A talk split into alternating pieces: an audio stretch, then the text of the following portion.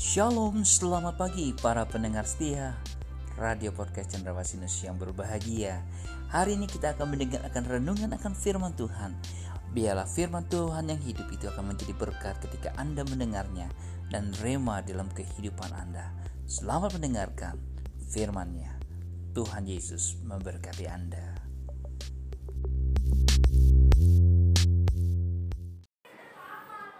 Salam, selamat pagi Bapak Ibu Saudara yang dikasih oleh Tuhan. Apa kabarnya pagi hari ini? Doa saya Anda dalam keadaan sehat, kuat, dan tentunya tetap bersemangat. Haleluya. Kembali saya Pendeta Samuel akan sharing kebenaran firman Tuhan pagi hari ini.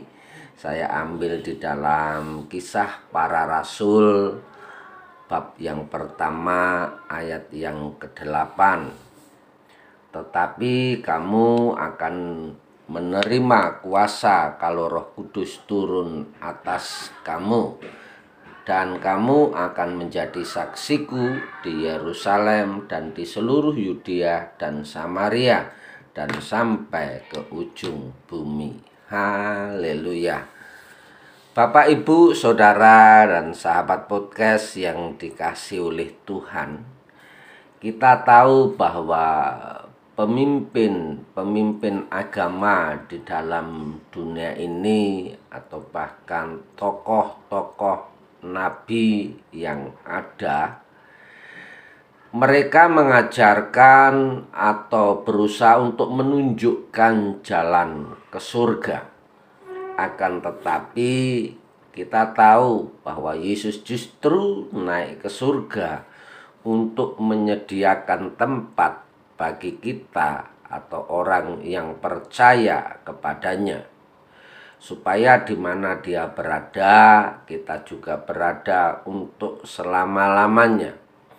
Yesus naik ke surga dan Roh Kudus turun, maka kita menerima kuasa sehingga membuat kita bisa menjadi saksi Kristus di mana pun kita berada.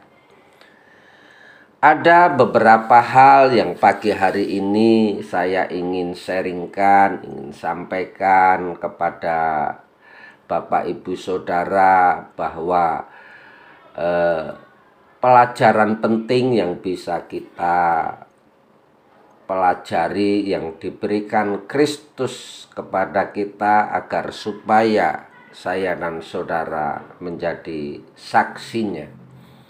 Yang pertama, orang percaya menerima kuasa untuk bisa menjadi kuat dalam segala hal.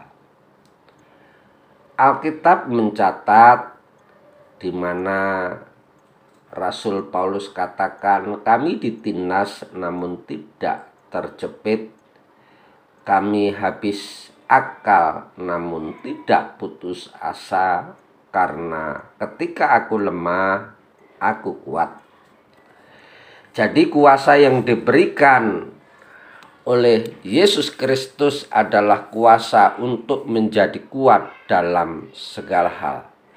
Tidak sedikit orang yang mengalami banyak persoalan dalam hidupnya sehingga dia putus asa dikarenakan ia tidak kuat.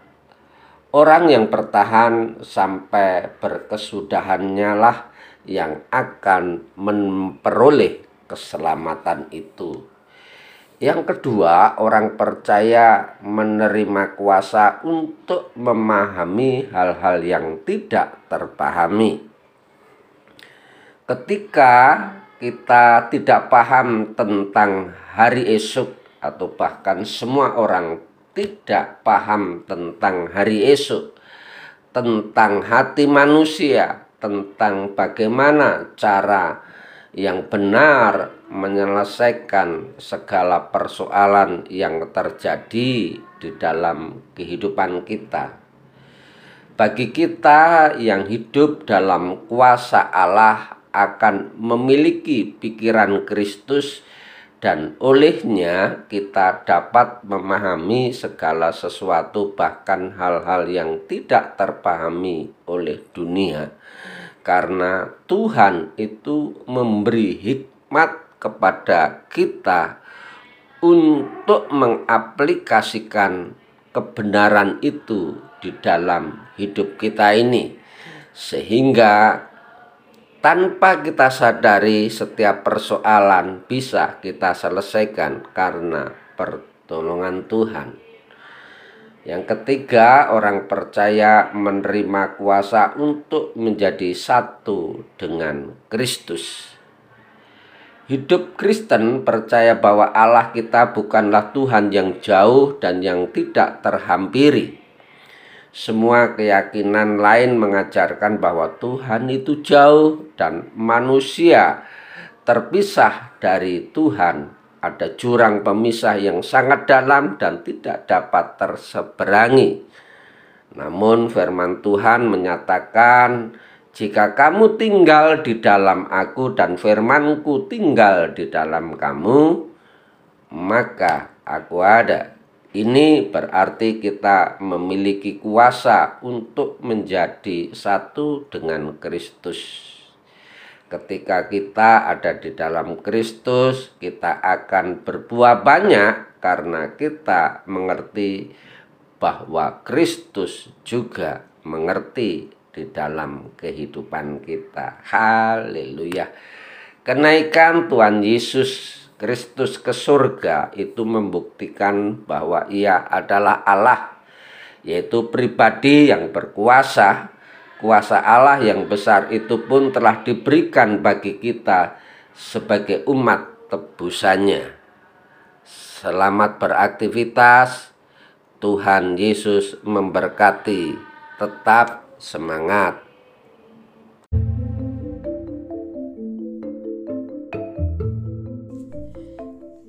Sampai jumpa esok hari. Kiranya damai sejahtera dari Allah Bapa, kecintaan kasih daripada Tuhan Yesus Kristus, dan persekutuan Roh Kudus menyertai kita mulai hari ini, esok, sampai Maranatha. Tuhan Yesus datang kedua kalinya. Sampai jumpa.